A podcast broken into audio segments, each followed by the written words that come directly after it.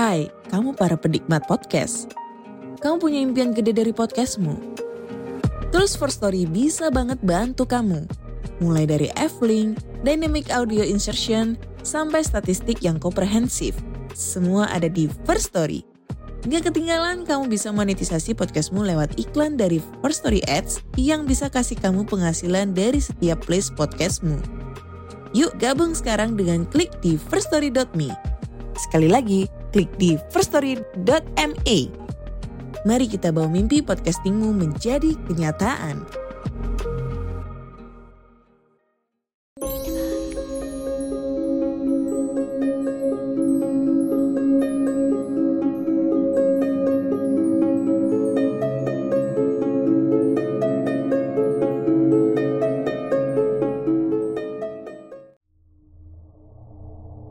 Malam dan selamat datang. Kembali lagi ketemu sama Denny, narator Rumah Horor Indonesia. Semoga teman-teman semuanya berada dalam keadaan yang sehat, banyak rezeki dan berbahagia. Malam hari ini saya akan membacakan sebuah cerita Dari seorang penulis bernama Ninda Dengan judul 40 Hari. Dan jika kalian juga seperti saya suka koleksi buku atau e-book resmi dari Play Store, Linknya akan saya berikan di deskripsi. Dan inilah dia kisah selengkapnya. Hari itu kali pertama aku menginjakkan kaki di ibu kota tanpa dampingan ayah dan ibu. Usiaku saat itu baru 21 tahun dan masih mengenyam pendidikan S1 di salah satu perguruan tinggi di Bandung. Tujuanku ke Jakarta saat itu adalah mengikuti program magang di salah satu kantor instansi pemerintah. Kebetulan dari berbagai lamaran magang yang kuajukan, instansi ini yang paling cepat merespons. Jadi aku putuskan untuk mengambil lowongan magang di sana menjadi salah satu staf administrasi. Walaupun sebenarnya lowongan ini tidak ada hubungannya sama sekali dengan latar belakang pendidikanku yang banyak bergelut di bidang pendidikan, tapi ya, tidak ada salahnya untuk keahlian lain sebagai dasar untuk masuk dunia kerja yang nyata. Dari Bandung aku berangkat naik kereta paling pagi. Aku janjian sama teman kuliahku yang berasal dari Bekasi. Indah namanya. Dia juga kebetulan diterima magang di tempat yang sama denganku. Kami berencana menyewa kamar kos bersama-sama. Selain dari hitungan, Harganya lebih murah untuk berdua. Juga biar tidak merasa kesepian karena ada teman untuk ngobrol. Saat itu sebenarnya kami sudah menemukan tempat kos yang kebetulan cukup dekat dengan tempat kami magang nanti.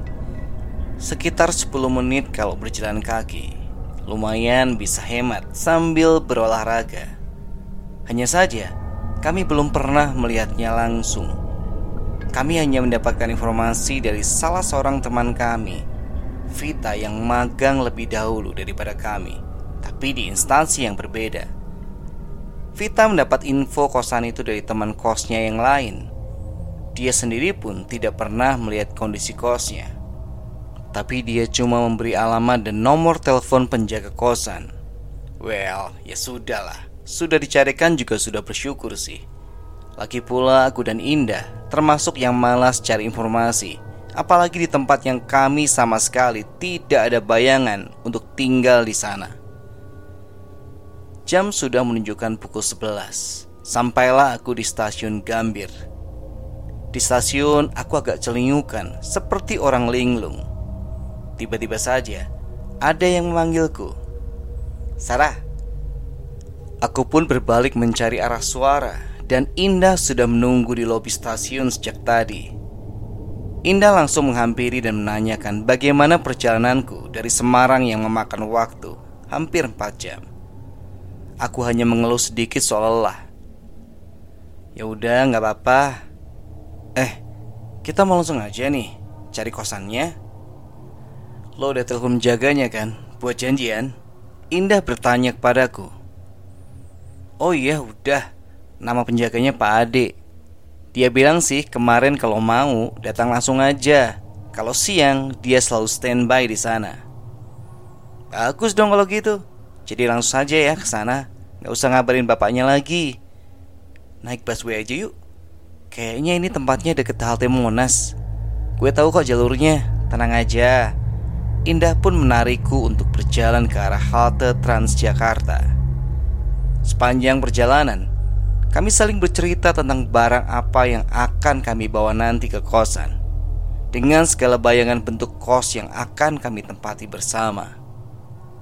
Begitu sampai di halte Monas, dari situ kami mulai menyusuri jalan.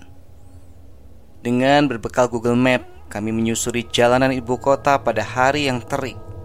Hingga sampailah kami di depan jalan yang tertera di alamat yang diberikan oleh Vita. Ternyata ini daerah pemukiman padat. Kalau dilihat dari kelas sosialnya, mungkin ya menengah ke bawah. Ramai sekali anak-anak bermain di jalan.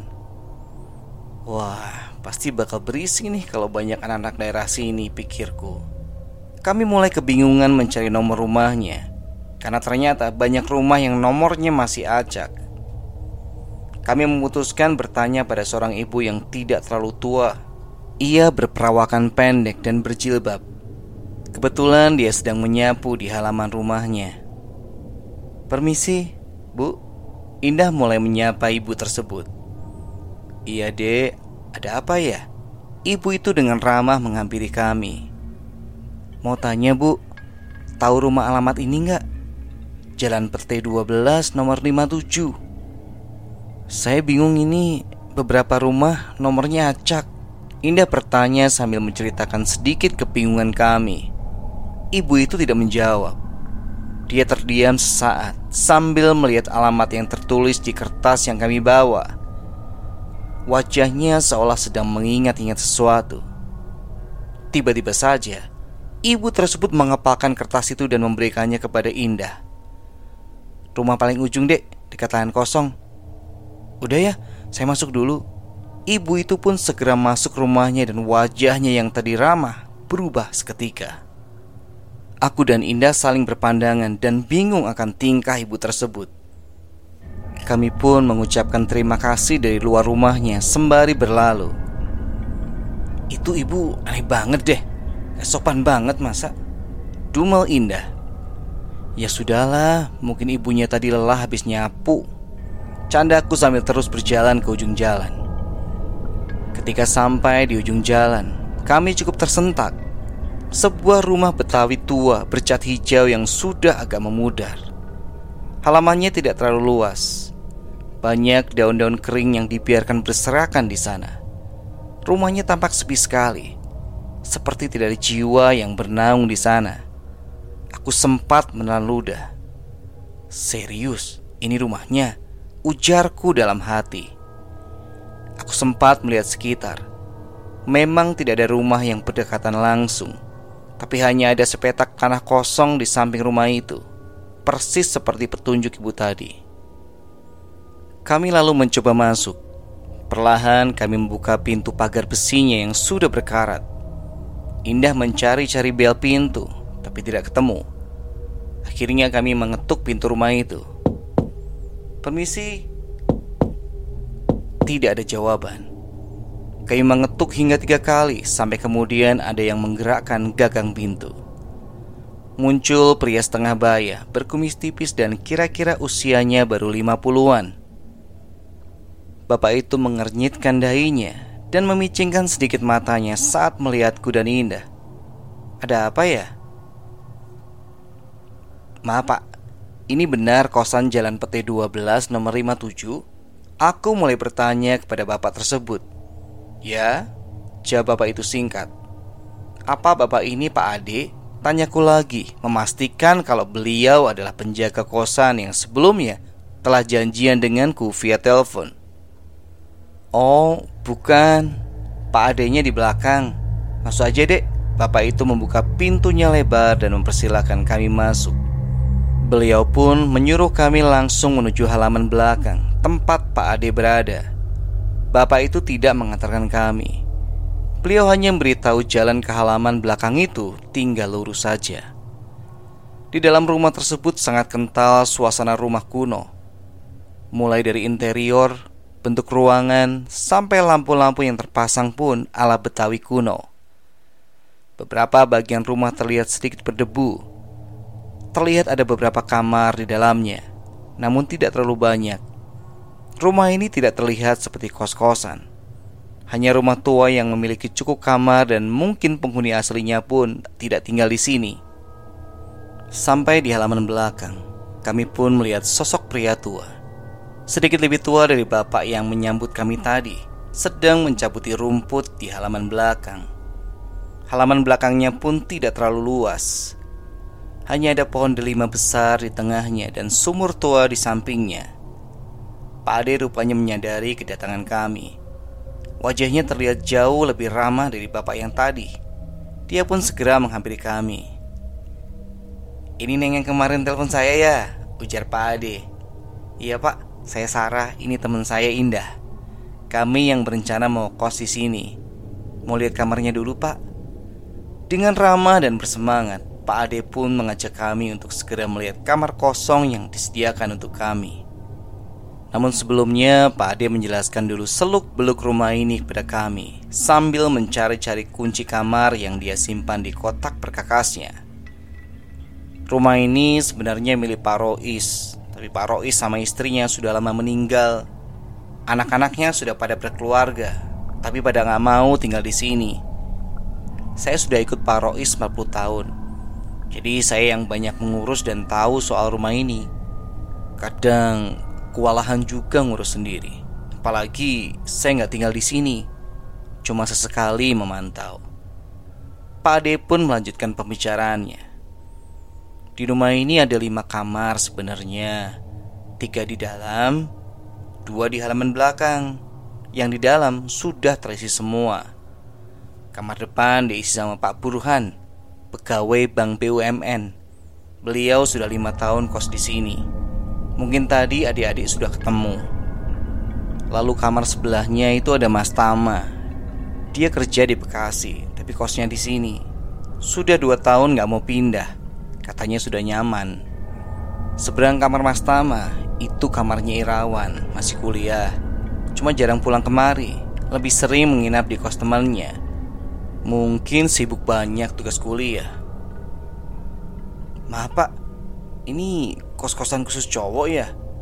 Dari tadi kayaknya cowok doang yang tinggal di sini, tanya Indah. Pak Ade hanya tersenyum sambil menunjukkan dapur yang sudah lama tak terpakai.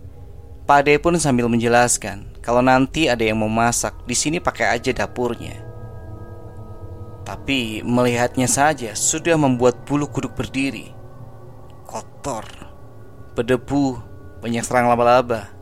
Belum lagi pencahayaan yang kurang. Di samping dapur ada kamar mandi yang memisahkan tempat mandi dan tempat buang air. Cukup ribet kelihatannya. Neng, tidak semua yang tinggal di sini cowok.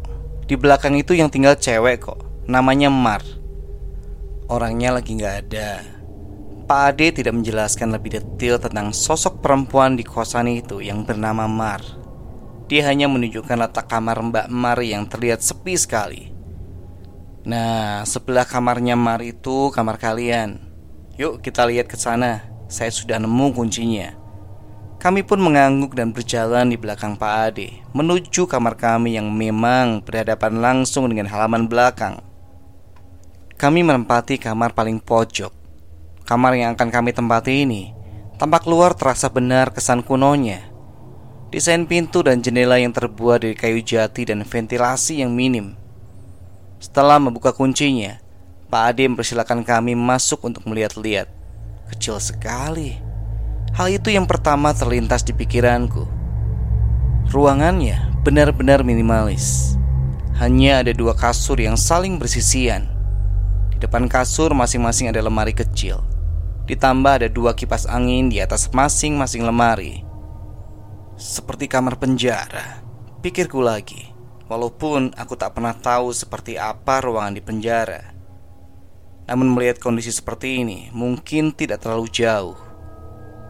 Walaupun tampak luar seperti kuno, kasur, lemari, dan kipas anginnya tampak baru dan bersih. Gimana dek? Semoga kerasan ya di sini.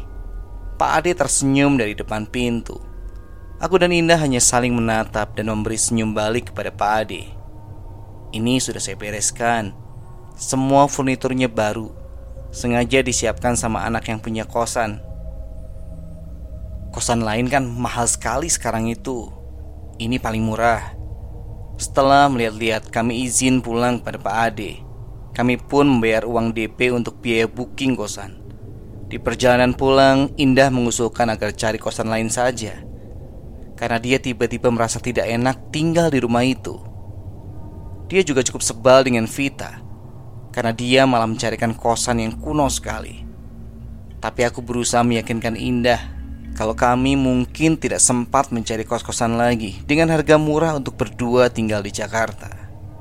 Tiga hari lagi kami akan mulai magang, dan lagi pula kami sudah membayar DP. Akhirnya Indah pun setuju, toh kami tidak akan lama magang di Jakarta, hanya 40 hari. Nah, sobat rumah Indonesia, ini ceritanya tidak berakhir di sini, tapi akan kita lanjutkan di episode besok ya. Yang tentunya akan mulai ada gangguan-gangguan dan keanehan di rumah yang mencurigakan ini. Makanya jangan sampai lewatkan di episode berikutnya. Apakah Indah dan Sarah bisa melewati 40 hari itu Tanpa terjadi sesuatu yang mengerikan pada mereka? Kita ketemu lagi di episode berikutnya. Selamat malam, selamat beristirahat